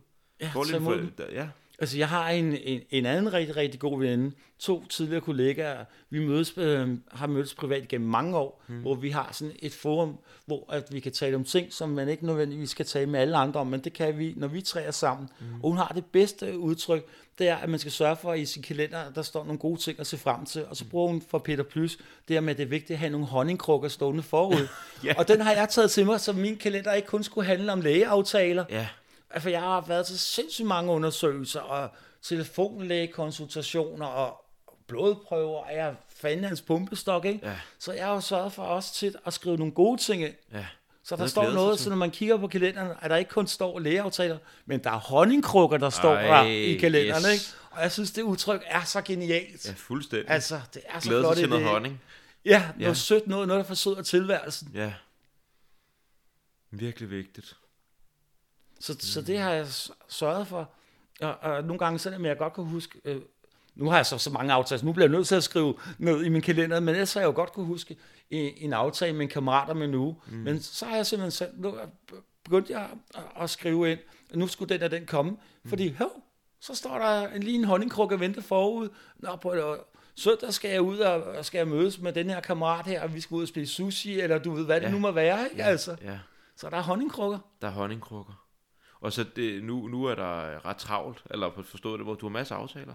Ja. Og øh, hvordan, hvordan er det, hvad skal der egentlig, hvad skal der ske her, inden du rejser til Schweiz? Jeg er i gang med at binde de sidste sløjfer, Ja, og jeg tror på, at, at der er en, der holder hånden over mig, så jeg kan komme igennem det her. Med alt det, jeg laver lige nu, der burde jeg have ligget på hospitalet. Nu er jeg så, så er jeg også heldig, at jeg har fået den 5. og 6. medicinting i værktøjskassen, det som jeg får, når hovedpinen er værst. Ellers havde jeg været på hospitalet i dag, så havde vi to ikke kunne sidde og tale sammen. tak for øh, værktøjskassen. Ja. Altså virkelig. Ja. Så jeg tror da, at, at, at der er en, der holder hånd over mig, så jeg kan nå frem til Schweiz. Mm. Og kan rejse om præcis 14 dage, at jeg kan holde til det aller sidste, til om 16 dage, hvor at, at jeg rejser, min sjæl rejser videre. Ja. Fordi jeg burde ikke kunne stå på benene, når jeg ikke tåler stress af de her fysiske årsager, fordi jeg ikke danner stressolinhormon. Nej. Og det er jo nogle, ligesom vel som at der er mange samtaler, jeg har haft, som øh, har været så meget givende, men det er også hårdt at se ens venner græde, og det skal de også gøre. Jeg siger ja. til dem, det er i orden, og, og så siger jeg så navnet på den her veninde eller kammerat. Du må gerne græde, jeg har godt rummet det. Ja. Og så kan jeg altid, når jeg er alene, græde bagefter selv, hvis jeg brug for det, ikke? Jo. Men der er så meget kærlighed at støtte hele vejen igennem. Jeg føler mig så velsignet. Ja. Jeg føler mig så taknemmelig at have så mange tætte venskaber og relationer. Have min, min familie omkring mig, mine venner, og mange af de her venner her, det er jo min familie. Ja. Ja, du har en stor familie. Jeg har en stor familie. Jeg har en mami, der sidder i Venezuela, ikke? Altså, en bedste kammerat også, der sidder i Mexico, en anden bedste kammerat i Chile, ikke? Og jeg har venner her, der bor lige rundt om hjørnet. Jeg har nogen, der bor i, i England, ikke? Altså, en, der bor på Fyn, og du ved ikke. Men de er jo tæt på mig. Ja. Og man er aldrig længere væk end øh, en messenger-samtale, som jo er gratis, mm. og hvor man kan se en andens ansigt, mm. hvis det er det, ikke? Ja. I går der sad og talte med den her veninde her, som ikke er, som, jeg er hendes storebror et eller andet sted, og vi er bedste venner. Øh, hvor jeg også er bedste venner med hendes kammerat, og, hende, og deres to drenge, kalder jeg mine stinky farmer boys, ikke? Dem har jeg haft på trampolinen om sommeren, ikke? farmer Ja, der har vi har jo haft landskamp Danmark mod England, for England, de er jo nogle taber. Så vi er, så jeg, de der to drenge er jo slåsset rundt på den her trampolin og haft det skide sjovt, når jeg er i England, ikke? Ja. Og de har været på ferie hos mig, hvor vi har været nede på stranden og badet, og været på byggelegeplads, og været ude og spille fodbold, og du ved ikke, altså... Det var fantastisk. Og så hørte vi så en af de sange, som vi ville hørt normalt, når vi er sammen nytårsaften. Mm. Hun er desværre i gang med et kraftforløb, og er i isolation, fordi hun har fået en, ryg transplantation. Så hun har et ikke eksisterende immunforsvar. Det siger, mm. hun kan få skoldkopper og røde hunde, alting igen. Hold da. Så jeg når desværre ikke til England og kan sige personligt farvel til hende. Nej. Så hørte vi en sang med øh, Jimmy Somerville og The Commonards, som hedder Never Can Say Goodbye. Mm. Den hørte vi i går, og så kunne vi lige græde, og så kunne vi smile og grine samtidig, ikke? Ja. Og det er det, musik også kan. Ja. Det kan sætte ord nogle gange på de ting, der kan være svære, og de følelser, vi har. Ja. Og give, give os noget at mødes over. Ja. Ja. Jeg bliver altså lige nødt til at tisse. Ja, lad os gøre det. Så, Ja, ja, så- så, så stress det- rundt hele tiden, ikke? Jo, altså det, nu, nu øh, er vi lige gået i gang her igen, og er noget, vi lige fik snakket om. Det, ap- apropos måske at finde nogle, finde nogle gaver i det, der bliver serveret til en her i livet. Ja. At der er jo også, øh, nu stod vi lige og snakket om, øhm, det her med at, stoppe, med at stoppe op, og måske gøre én ting ad gangen, og nyde det, man har gang i. Ja. Så jeg tænker, det, er, det, er det noget, som der er kommet for dig? Som, er det en af gaverne, som øh, sygdom og, og det her har givet dig? Ja, fordi jeg jo ikke tåler stress af fysiske årsager. Ja. Så for at, øh, at jeg ikke skal ryge ind i livszone kriser, så er jeg simpelthen blevet tvunget til at stå op. Mm. Og jeg havde så meget fart på livet før, som jeg fortalte det der med fem gange styrketræning, og løbe tre gange 11 km om ugen, Ja. og være forældre, og være dobbeltklasselærer, og, mm. og venner, og og det var en af gaverne også her med at pakke ud, ikke? Ja. Jeg blev tvunget til at stoppe op mm. og blive meget bedre til at planlægge. Ja. Altså, hvis jeg skal have venner, så skal jeg ikke stå og lave mad i flere timer inden, Nej. for så har jeg ikke noget energi til Nej. at kunne være til stede sammen med dem. Nej. Så kan man jo, hvis man ikke har lyst til at lave mad, kan man jo lave en gryderet dagen før, som bare skal varmes op. Ja. Eller man kan bare bestille noget takeaway. Ja. Det vigtigste er jo at være sammen med dem, man gerne vil være sammen, og kunne være sammen på en rigtig god og givende måde. Fuldstændig. Ja, så der er, der, det er jo... Jeg tænker også, at det er noget... Øh, hvis du, vil, vil du lige øh, bare trykke til mikrofonen en lille smule ned? Sådan der, så kan jeg se din mund. Det er meget rart. Det er Ja. meget rart, når man kan se ansigtet, man Ja. taler med.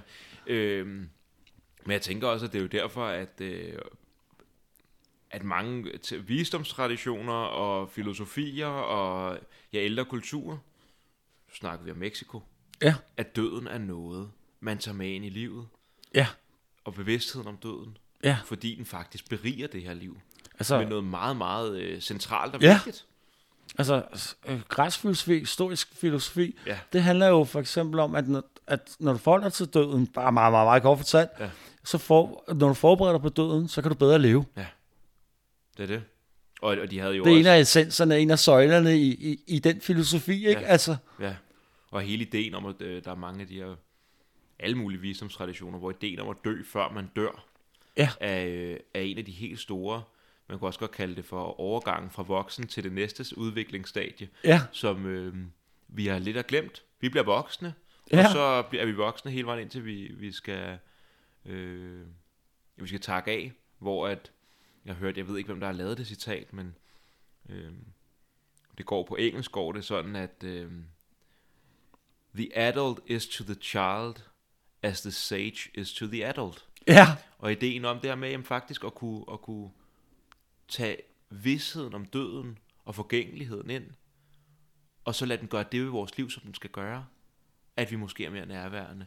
Ja. At vi, vi kan prioritere klarere, fordi vi forstår, der er ikke nogen grund til at træne så meget. Det er fint nok at lave noget, altså, men øh, måske skulle vi, måske er der noget andet, du mere har lyst til. Måske er der noget andet, ja. du skal.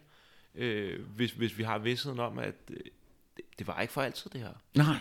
Og jeg er for eksempel også blevet nødt til at omstille mig gennem hele mit liv, med, altså gennem de her 12 år. Ja. Men så blev jeg nødt til at stoppe med at løbe. Så blev jeg nødt til at stoppe med at styrketræning. Ja. Så, og det seneste her, ja, så har jeg så stoppet jeg med at lave yoga om eftermiddagen, fordi jeg bare ikke har kroppen, mm. min krop ikke er til det. Mm. Nu er jeg senest her stoppet med at lave min morgenrutine med noget planke og nogle yoga udstrækningsøvelser og sådan noget. Hmm. Men med omstille sig til det og acceptere det, Ja. og det har været pissehårdt for mig, fordi jeg altid elsker at røre mig. Jeg har ikke været typen, medmindre jeg lå med en bog, som bare lagde mig på sofaen. Nej. Jeg har haft et meget aktivt liv. Ja. Ja, så der er faktisk også på en eller anden måde sådan en, til, altså en, en dødsproces der, altså men en proces af foranderlighed, hvor der er noget, der slipper, og noget, der bliver anderledes, Ja, øh, som du faktisk har været igennem igennem, lige siden at du blev syg, vel, ja, i bund og grund. ja. Sådan meget konkret. Vi er jo alle sammen igennem den proces, men de fleste af os, vi kan løbe fra den, Ja, og, og drukne den i øh, det ene og det andet, og karriere derudaf, og øh, fear of missing out, fordi at, øh, åh nej, jeg skulle også have været til den fest, og jeg den fest, og alt muligt. ja. Men, øh, men, men det sker jo faktisk for os alle sammen, at ting forandrer sig. Og det er bare blevet meget konkret for dig Ja. i dit liv, Det må man sige, må man sige. Ja, Og, og det der med bare nogle gange lige at stoppe op, og, og så lige mærke efter i sig selv, ja, er jeg til stede lige nu? ja, Eller sidder jeg bare stresset rundt og tænker på de 17 ting, jeg skal nå? Ja. Hvorfor ikke nogle gange bare sætte barnen lidt lavere Ja. og sige, jeg behøver ikke nå 17 ting i dag. I dag er det måske nok, at jeg bare gør den her enkelte ting her. Ja. Og så kunne det jo så være, fordi du sætter det barn på den måde, at du så bliver glad, i stedet for at slå dig selv i hovedet. Ja. At man måske når lidt mere, end man ellers ville have gjort. Hvorimod, hvis man har sat barn alt for højt, så når du måske ikke så meget, og så bare, åh, ja. ikke? Jo, fuldstændig. Ja, og det du siger med lige at mærke, om man er, er du til stede. Det er jo meget, meget nemt egentlig. Det, men det er så svært at huske. Men lige, øh, bare lige mærke maven, eller øh, fødderne, eller hvad det nu kan være, Ja, som lige tjekker ind med noget, som der måske ikke er tankemøller, der handler om, at man skal om to timer, eller om en time, eller... ja, Ja. Ja. Så endnu en af gaverne. Det er jo næsten temaet for den her podcast. At lære at pakke mm. livets gaver ud. ja. Som TV2 også synger, ikke? Kys det nu, det sin liv, ikke? Ja, Altså brug det nu, mens det er der. ja, Hvorfor gå og udsætte ting, som du egentlig gerne vil? Hvorfor skal det først være, når du bliver pensioneret? Du ved ikke, hvad der sker. Nej. Det kan være, at din ægtefælle bliver syg. Det kan være, at dit barn bliver syg. Ja. Det kan være, at du selv bliver det. ja, Altså, gør tingene, mens man har muligheden for det. ja. Nyd det, Ja, mens du kan nyde det. så jeg er jo så glad for, at, at jeg nåede så mange rejser, mens jeg havde mulighed for det. Ja, Fordi jeg lovede mig selv, at da jeg var 23 år gammel, der, læste, der var jeg på højskole, og der læste jeg et interview med en ældre kvinde, som øh, fortrød, at hun ikke havde gået mere i bar tær på græsplænen om sommeren og spist flere is og jordbær. Der lovede jeg mig selv som 23-årig, at jeg skulle ikke øh, sidde på et plejehjem og fortryde alle ting, jeg ikke har gjort. Nej, og slet ikke de der, det der, det er jo sådan en ting, hvor man tænker, det ville være så nemt lige at nyde. Altså, det er så nemt at gøre. Ja, Gå på, med bare, hvis det er det, du har lyst til. ja, Hvis det ikke er, okay, det er svært at komme til månen, ja, men, men hvis, du, hvis du har lyst til at gå med bare tær på græsset og spise jordbær, ja, det kan du sgu nok godt. Altså, det går nok. Det kan du nok Ja. godt få, få, til, få stablet på benene. Så jeg gjorde det, at øh, jeg havde nået at sende tre universitetsansøgninger øh, ansøgninger afsted, og jeg nåede at få svar inden den officielle dato faktisk. Jeg var blevet optaget på to af dem. Ja. Jeg trak dem alle tre tilbage, også, altså inklusive de to, hvor jeg nåede at få at vide, at jeg var blevet optaget. Ja. Og så tog jeg øh, til Thailand og arbejdede på et børnehjem i seks måneder og arbejdede med gadebørn. Og så wow. underviste jeg i engelsk på en skole for fysisk handicappede, som fik en enten elektronik- eller computeruddannelse. Ja. Og, Hvornår gjorde du det? det gjorde jeg øhm, som 23-24-årig. Og, og stoppede op, og der tænkte, jeg skal ikke sidde som hende og gøre alle de ting, jeg ikke... Altså sidde og fortryde som gammel, jeg ikke er noget af de ting. Nej. Så jeg, og så viste det sig jo, og en anden gave i det, det var jo udover at, at få det her oplevelse med at arbejde børnehjem og gadebørn og sådan noget i de seks måneder, at jeg jo fandt ud af, at jeg skulle være skolelærer. Ja. Nå, det var der, du fandt ud af det. Der besluttede jeg det. Ah. Og i virkeligheden lå den til højbenen, for jeg boede på et tidspunkt på kollegie med, med en hel del lærerstuderende. Ja. Og jeg synes godt det, de lavede, var mere interessant end, end det, jeg, jeg læste på et tidspunkt øh, markedsøkonomi, og havde teoretisk statistik. Ah. Ja, ja. Og så sad, jeg, og så sad de og fortalte om deres undervisning, og nogle gange hjalp jeg dem faktisk med deres opgave, selvom jeg ikke var lærerstuderende. Ikke? Og så tog jeg på seminaret med en fra kollegiet og fulgte hendes undervisning en dag, og ligesom mærkede efter. Ja. Og alligevel så skulle jeg på højskole, for jeg stoppede den uddannelse, tog på højskole, og, og læse et interview med den her kvinde, før jeg fandt ud af, at jeg skulle til Thailand. Mm. Og det er jo igen det der med, at andre har kan altså også åbningsverden. Det kan jo også et møde. Et, det var så en, et interview, ikke? Ja. altså en Ja, ja. avisartikel, ikke? som fik mig til at stoppe op og mærke efter, hvad er det, jeg skal? Og, og, og på det, vi talte om, at have modet til at være åben, Ja. ja. og til at være nysgerrig. Og jeg fortæller lyst til at sige, at til at lade, lade, lade livet røre en. Andre mennesker. Det kan være et interview. Det Ja. kan være den her samtale, vi har lige nu, hvis man sidder og lytter med. Ikke? Altså det der jo. med faktisk at ture. Lige at mærke, okay, rører det faktisk noget i mig? Ja, Eller tillader jeg det at røre noget i mig? ja, Måske, måske det er lige præcis det, at det, at det, der rører en, der måske er, er det, der rykker ind i en eller anden retning. For eksempel et interview, der siger, jeg fortryder, at jeg ikke øh, gik på barbartær i græsset og spiste jordbær, og så tænker man, så tænkte du, Thailand, here we go. Ja. Jeg skal afsted. jeg skal afsted. Jeg skal afsted. Og, og fordi jeg ikke skulle til Thailand, så gik jeg jo var jeg på Roskilde Festival og købte den der læderjakke der, fordi nu har jeg jo råd til det, når jeg ikke skal til Thailand. Ja. Og ved du hvad, jeg tog til Thailand, og jeg fandt sgu ud af det også med økonomisk, ikke? Ja. Jeg har stadig den der læderjakke hængende. Ikke af sådan selv årsag, en, en gang imellem har jeg haft lyst til at bruge den, ikke? Ja. Og, og kæft man, jeg vil da ikke have været foruden at, at være på Roskilde Festival. Jeg hørte Bjørk og Peter Gabriel, altså ja, koncert med dem, ikke? Altså, og jeg kom jo til Thailand. Ja. Ja, så det hele fla- Det er faldt jo på plads. Ja. Og, og, og, og det var det der med igen at, at mærke efter. I virkeligheden har man tit svaren inde i sig selv, som tør at mærke efter. Mm. Ja, ja. Der er, der er noget i en, der godt ved, hvad for en vej bækken den render. Så det er bare lige med at, flø, med at, ja. med at følge den. Og jeg havde, inden jeg traf den der beslutning med at, at, at, at tage til Thailand, ikke? Ja. Der havde jeg sådan nogle øh, drømme, du ved, ligesom med kidnapningsbrev med bogstaver, der klippede ud. Ja. Så de kom ind ad døren med øh, øh, brevsprækken Altså i de- drømmen. i, i drømmen. I drømmen, ja. Og det har jo været alle de universitetsansøgninger og sådan nogle ting, ikke? Ja. Og da jeg så træffede beslutningen, så stoppede de drømme. Wow. Ja, ja. Okay. Så du også øh, du, der er et godt drømmeliv, du har fulgt med i. Ja. Ja, det er godt. Så selv underbevidstheden prøvede at skubbe til mig, ikke? Hey, Ja. Træk nu de ansøgninger tilbage og, tag til Thailand og arbejde børnehjem. Ja. Ja. Og så stoppede drømmene. Så stoppede de. Og så fandt du ud af, hvad vejen var. At det var, øh, du skulle have lærer. Jeg skulle være lærer, Ja. og det var et kald for mig. Ja. Kan være, altså det er ikke alle mennesker, der har fundet, at de kan glæde sig over at skulle på arbejde hver dag. Nej. Det gjorde jeg. Jeg glæder mig til at stå og undervise. Jeg glæder mig til at se mine unger Ja. på arbejde. Ja. Det var en kæmpe fornøjelse at, at både at undervise og kunne åbne deres verden via litteratur og sådan nogle ting, mm. eller billedkunst, eller om det var faget kristendom, hvad det nu end var, jeg underviste i igennem årene. Ikke? Mm. Ja. Det var også en gave for mig at være sammen med de her vidunderlige unge mennesker. Ja, i sådan en grad, at du stadig ser, altså, det er også ret vildt. Sikke en, øh, sikke en uh, lærer, man kan have der, øh, hvor man som 35-årig, 35, var ikke det, du sagde? 31, 32, næste klasse, ikke? Ja. Nærmest, ikke? At stadig kommer hjem på besøg. ja. Altså, det er jo ret fantastisk. Og have gode snakke sammen og høre musik sammen og sådan nogle ting, ikke? Ja, altså spise ja. chips, ikke? Altså. Mm. Så Så- det. Hvad, øh, hvad Thomas, hvad tænker du, er der noget, vi sådan, er der et emne, noget vi mangler at berøre? Hvad vil du godt, hvad, hvad, hvad, hvad håber du, at, ligesom dine din interviews og den her samtale, hvad håber du sådan, at... Hvad For eksempel fru, nu siger jeg bare fru Jensen, at hvis hun drømmer om at, at tage på, til Kreta, Ja. så gør det, hvis du har pengene, og du har muligheden for det. Ja. Hvorfor først gøre det om fem år? Ja. Så gør det dog til sommer. Lev. Livet. Og, og sidder du på en arbejdsplads, og der, som du ikke er glad for, et arbejde, og du kan se, der er 10 eller 20 år til pensioneres, så prøv dog nogle nye veje. Ja. Der, Prøv at se, om du ikke kan få et, et godt, glad arbejdsliv ved at give dig selv muligheden for at prøve at skifte arbejde, eller tage en ny uddannelse, ja, lave en omskoling i dit liv, ja, for at bruge det udtryk. ja. Ja, livet er ikke slut. Livet, livet er sgu ikke slut endnu. Nej.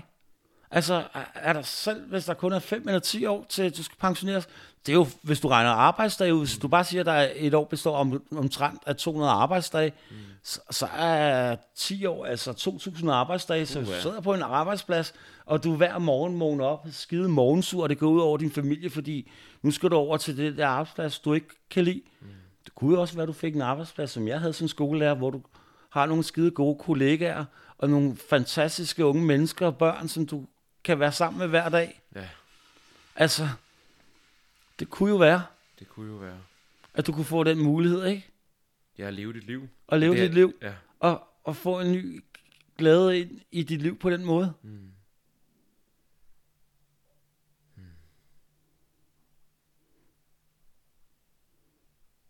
Det er ikke slut, før vi tager vores sidste åndedrag. Nej. Og kan vide, om det helt er slut der. Og kan vide, om det, det helt er det. Det bliver, det bliver spændende. Du må godt lige sende et eller andet, øh, Ja. sende nogle frekvenser. Ja. Fortæl, hvad der sker. Ja. Ja. Jeg har også lovet øh, en af mine meget tætte øh, veninder, at jeg har lovet at gøre en, alt, hvad jeg kan, for at lige sende en hilsen og lige sige til en, hey, nu sidder jeg faktisk med John Lennon og David Bowie Prince, og vi sidder og diskuterer musik og taler om musik. ja. Jeg har det sgu okay. Jeg har det sgu okay. Jeg sidder altså lige øh, med David Bowie, så jeg kommer lige tilbage til dig lidt senere. Ja. Jeg skal altså lige høre øh, ham fortælle det her. Det lyder sgu lidt spændende. Ja. ja. Det er vildt. Det har været en... Jeg ved ikke, hvis der, hvis der er mere, som du gerne vil sige, så er der, er der masser af tid til det. Men jeg kan bare mærke, at jeg får lyst til at sige tak. Jamen, Jeg har ikke mere på hjertet. Nej. Jeg synes, vi er kommet godt omkring det, jeg har fornævnt. De ting, som jeg udenbart også havde på hjertet. Ja.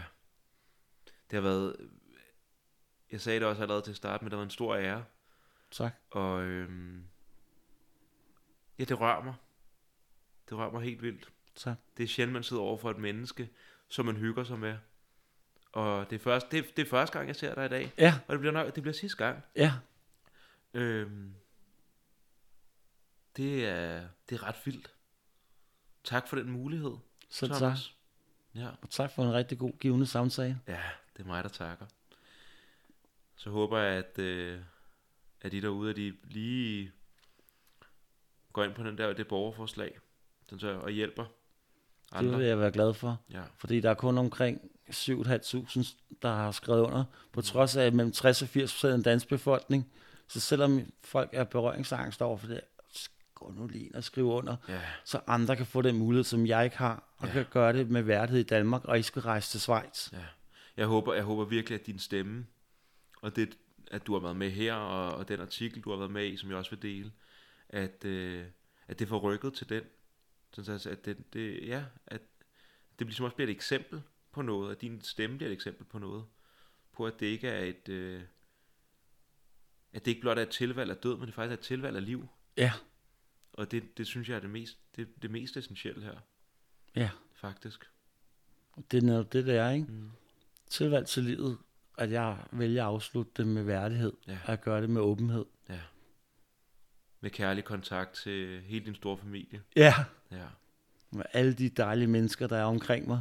Og mens vi to har siddet og talt, så jeg kunne se telefonen blinke fra soveværelset af, fordi at med opkald og beskeder, ja. og så sådan er det bare hele vejen igennem. Der er så meget kærlighed og støtte og opbakning til den måde, jeg har valgt at, at, at, at, at trække af på, Ja.